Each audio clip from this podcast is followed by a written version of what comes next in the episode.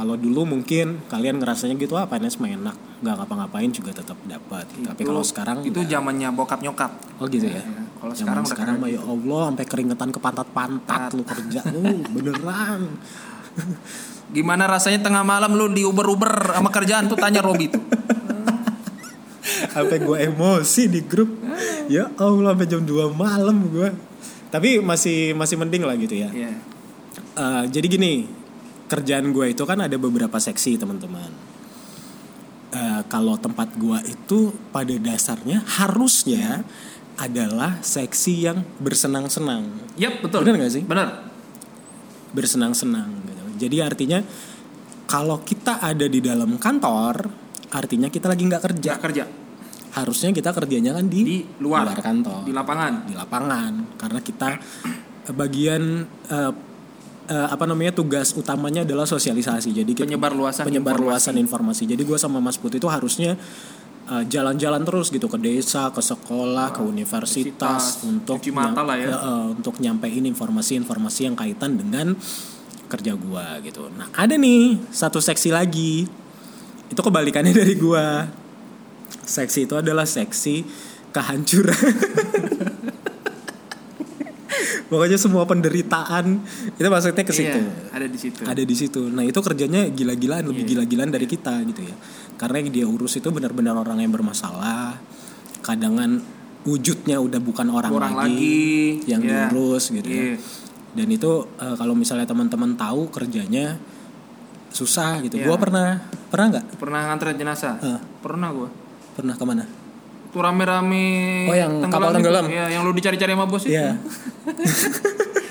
Sudah tahu disuruh taruh di standby di kantor, cari-cari. Ntar ya kita cerita itu. Iya. Gue pernah ngantar jenazah Iya. nyebrang pulau Iya.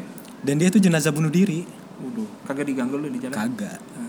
Gue gue Banyak baca doa lu ya di jalan. Ih, diam aja pokoknya. Sialah mana teman gua kafir lagi.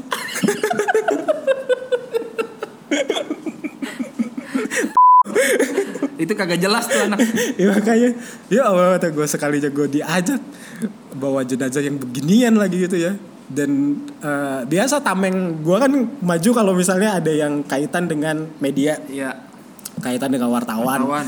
kaitan dengan ngelurusin informasi-informasi gitu ya. miring-miring. Yang miring-miring ya. Makanya gue disuruh maju karena kabarnya waktu itu eh, infonya di situ udah rame, nih Rame. di pulau Oh, itu udah rame pulau, ya. karena eh, isu yang beredar si orang ini bukan bunuh diri matinya. Artinya dibunuh.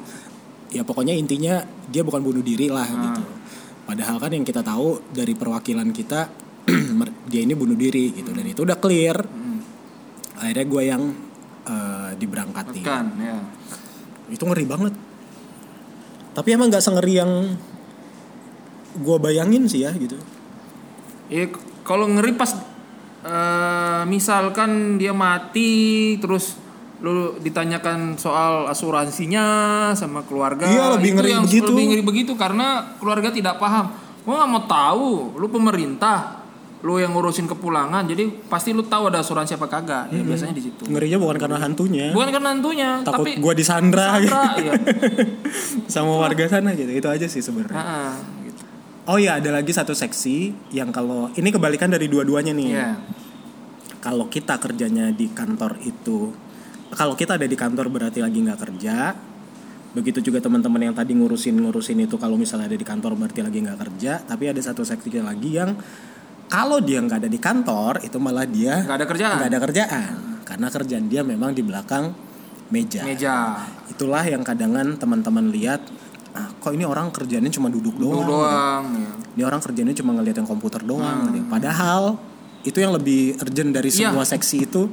Itu yang lebih urgent. Ya. urgent karena eh, mereka adalah yang bertugas untuk memverifikasi dokumen dari teman-teman kita yang berangkat ke luar negeri. Nah, itu Gitu. Jadi memastikan kebenaran atau tidaknya dokumen ini itu mereka yang bertanggung jawab apalagi dengan adanya undang-undang yang baru Itu serem tuh. itu serem karena siapa pun yang eh, terlibat akan kena termasuk verifikator atau teman-teman yang bekerja di bidang penempatan ya Hmm. Resikonya paling tinggi tuh ya. di sana Nah, Dan semua yang tiga seksi yang gue jelasin tadi ini teman-teman itu semuanya ada kaitannya tuh.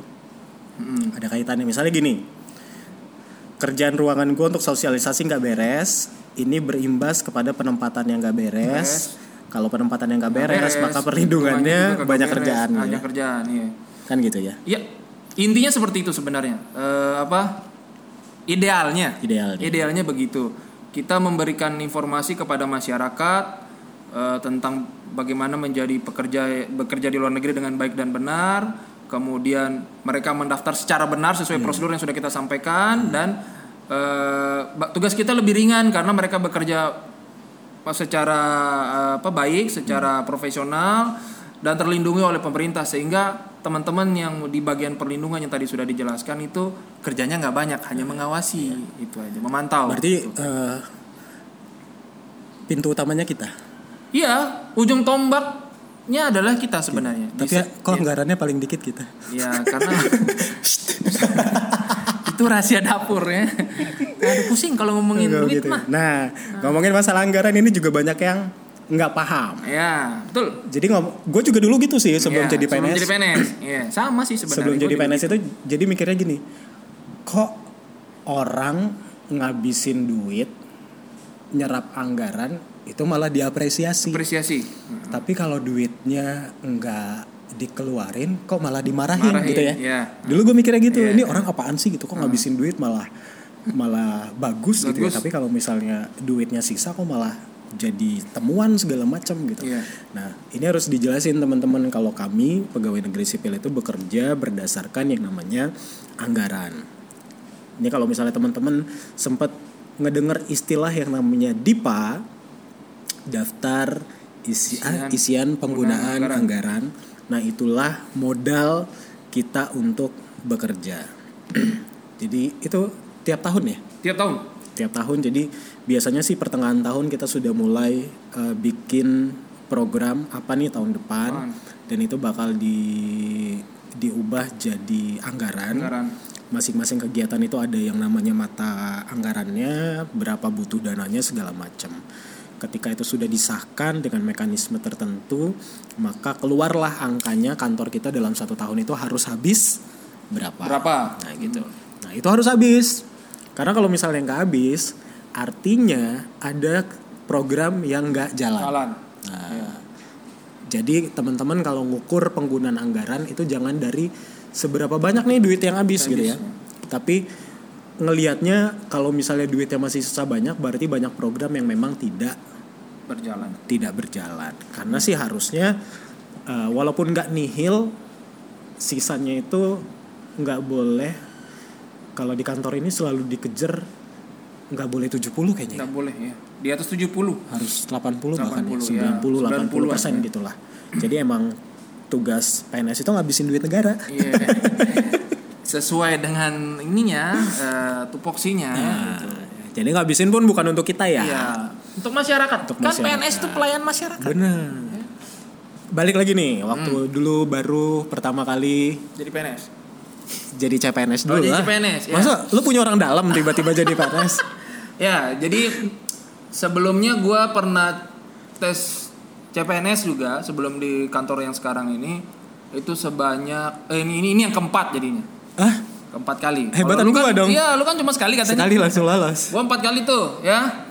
Perta dua kali di Departemen Luar Negeri atau sekarang lebih terkenal dengan Kementerian Luar Negeri Ah. ya. Dua kali gagal ya. lu kayak orde baru eh, seriusan dulu masih namanya departemen Iya, masih Departemen Luar Negeri. oh Deplu. Ya. Terus kemudian gua coba pemerintah kota ya. Pulang gua dari Jakarta nih. Eh, coba tes dulu nih, ada pembukaan. di sini Ya, tapi kalau zaman dulu karena masih manual segalanya, gua nggak punya orang dalam, Bro. ya itulah, akhirnya gua gagal lagi, gua kerja swasta. Kemudian karena keinginan orang tua kalau bisa jadi PNS lah gitulah. adalah keturunannya Ada ketuanannya ikut jadi PNS gitu. Nah, akhirnya gue coba lah di salah satu lembaga yang sekarang jadi tempat gue bekerja ini yang kebetulan juga mencari jurusan yang tempat gue kuliah dulu gitu kan gitu. cocok lah Cocok lah. Tapi tidak berharap waktu itu. Ah, udahlah gue coba-coba aja. Kalau dapet ya beruntung kalau enggak ya udah gitu. Yang penting nyenengin orang tua lah tujuannya begitu. Karena waktu itu gue lagi senang-senangnya kerja di TV kan. Jadi media duitnya juga lumayan kan Iya. gitu Dan dulu TV nomor satu ya ya sempat jadi TV nomor satu pada zamannya. pada zamannya ya itu setelah itu Tahu nggak lo TV-nya yang sekarang bosnya jadi menteri? Nah, iya bos. ya itu. Nah kemudian gua coba eh, nggak bilang orang tua tuh tes di lembaga yang ini nih ya. Tesnya di Bilang- Jakarta, Bang. Tesnya di Jakarta karena kebetulan di Jakarta. Hari tesnya itu gua baru pulang pagi syuting jam 4 pagi. Hmm. Terus tes jam 6 pagi. Nggak tidur dong, Tidur sejam. Untungnya pakai alarm jadi kebangun. kebangun lah kagak pakai mandi kagak pakai belajar ya pensil pinjam sama temen di samping tempat tes itu ya udahlah gua asal isi lah kalau Oh dulu masih PBT ya? eh, masih BBT ya Paper based test. Base test habis itu mata masih ngantuk belum sarapan ya lapar terus petugasnya marah-marah ya adalah petugasnya dulu Kenal sekarang. sekarang udah pensiun, Oh, udah pensiun. pensiun. Oh marah-marah. Siapa suruh lu pegang polpen, pensil belum gua suruh katanya. gitu ya. Galak amat. Galak amat lah gitu. Tes CPNS apa tes militer ya. nah habis itu gua tes lah biasa lah gitu. Tes, kemudian eh, hitung kancing karena kagak bisa gua jawab ya gitu. Setelah itu pulang gua nih. Nah udahlah, lulus kagak lulus ya udahlah gitu. Kemudian pengumuman satu minggu kemudian, zaman dulu kan masih lambat tuh tes secara manual Oh kan. iya. Jadi lama Lama keluarnya. Seminggu kemudian karena pakai email, notifikasinya lewat email. Gua cek email gua. Disuruh pemberkasan, Bro. Ah, Oh, langsung lulus. Berarti tesnya dulu cuma sekali doang. Cuma sekali. Oh. Suruh pemberka eh suruh pem- sebelum pemberkasan suruh tes anu dulu apa? Tes narkoba. Ya. Tes narkoba pun itu hampir kelewatan karena apa? Karena sudah mau tutup gue baru datang. Ya, gue baru datang. Walaupun dekat kantor gue yang tempat kerja dulu sama BNN dekat, tapi gue datang paling belakang gitu. Terus waktu gue datang, petugas BNN bilang, "Ada liputannya, Bang ya?" Oh, lu masih pakai seragam. Iya, ada liputannya bang ya? Enggak, saya mau tes tes eh, narkoba. Oh masih yang ditunggu-tunggu ya hampir kami tinggal katanya. gitu. Hampir gua nggak jadi PNS bro. Nah, setelah ya. itu gua tes, gua pulang. Ah, setelah itu dapat informasi harus pemberkasan kan. Oh iya. Gua datang ke kantor, kantor gua di pusat ya. Langsung ngundurin diri. Belum, belum, belum tuh. Pemberkasan, gua datang pakai seragam TV. Eh, terus kata satpamnya apa? Mas nggak ada liputan hari ini katanya. Ah, gitu. Nggak ada apa press conference. Pak saya mau daftar mau pemberkasan. Oh masnya lulus ini ya CPNS. Ya masuk dah gua dalam. Ah itulah saktinya kalau jadi Media. media. Oh, gua juga dulu Pak, gitu. saya belum tes kesehatan, Pak. Oh, masnya di mana tinggal? Ini di belakang, Pak, di eh, Mampang. Oh ya udah nanti aja belakangan nggak apa-apa. Itu kekuatan dari seragam media. Iya. Ya. Apalagi kalau lu udah punya ID card Iya, pers. waduh. Mantap. Sakti, gue pernah tuh bawa kamera dari Mampang menuju Depok. Hmm. Ya malam-malam. Depok apa Bekasi gue lupa lah. Itu karena mau syuting besok pagi live. Terus gue lewat jalur busway sama supir taksi. Kan, supir taksi ngebut, Pak. Nanti kalau kita ditilang gimana? Kata supirnya. Tenang Pak, nanti saya yang tanggung jawab. Nah, Jalan beneran dong stop polisi. Pak ini kan jalur ini terus saya tunjukkan ID card. Iya. Eh, kuat banget dah itu ID card Lewat ya? media. Lewat. Gua di sini pernah sekali. Oh pernah sekali. Pernah. Terus kemudian pernah mau ditilang, gue tunjukin kartu itu. Nah, itulah sedikit kesan dan pesan kita kalau kerja di, di media ya. Kita lanjut ke tadi, kembali ke CPNS. Setelah itu eh gue ngabarin ya, ya kasih ke orang tua lah kasih tahu. Pak, Bu, keterima nih lulus. Di mana? Dulu lembaga namanya B- sekarang kan udah ganti nih. Lembaga apa itu? Kok nggak pernah dengar katanya gitu. Itu yang ngurusin TKI gitu. Oh iya. Nggak terkenal Itu ya? iya. Di Lombok ada cabangnya nggak? Kayaknya ada gitu. Nah, Oh, dulu belum milih ya? belum. Mas- Apa namanya? Kita mi kita milih, cuma Penempatannya, belum tahu. penempatannya belum tahu, Oh, oke. gitu.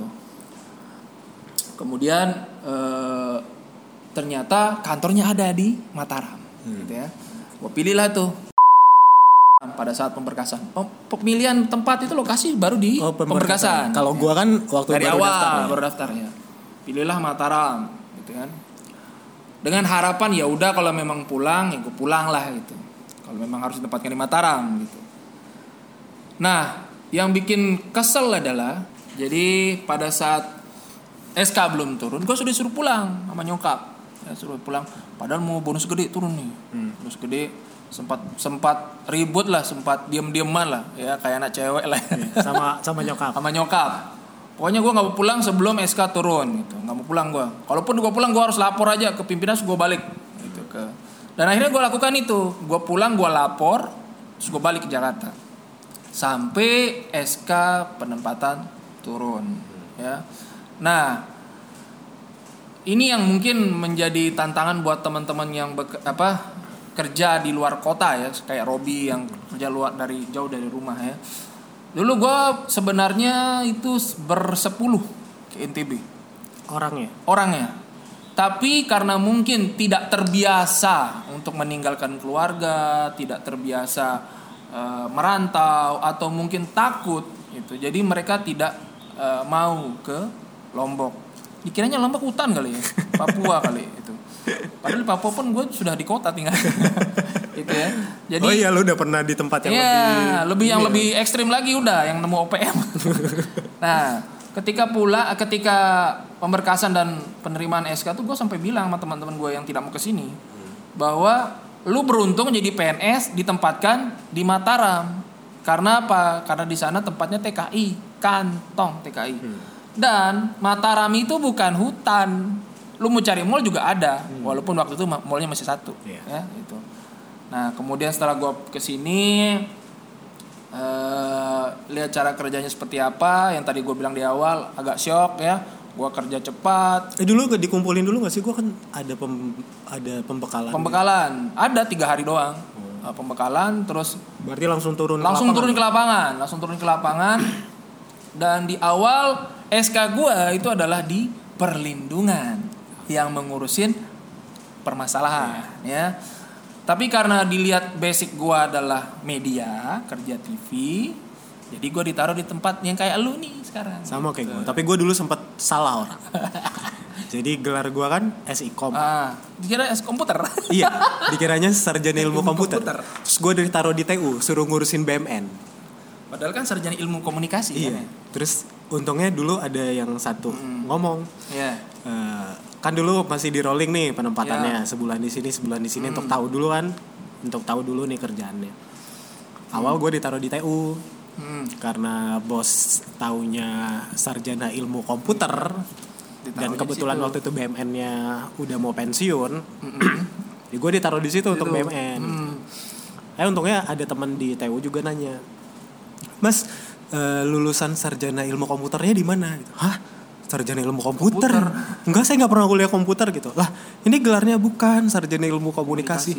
Wah salah dong berarti. Emang kenapa Mbak? Iya karena kirain sarjana ilmu, kom- ilmu komputer mau ditempatin di sini. Oh enggak. Akhirnya karena tahu komunikasi, terus gue ceritain kalau gue pernah kerja di media, jadi ini jadi ini, barulah ditempatin di tempat yang sekarang. sekarang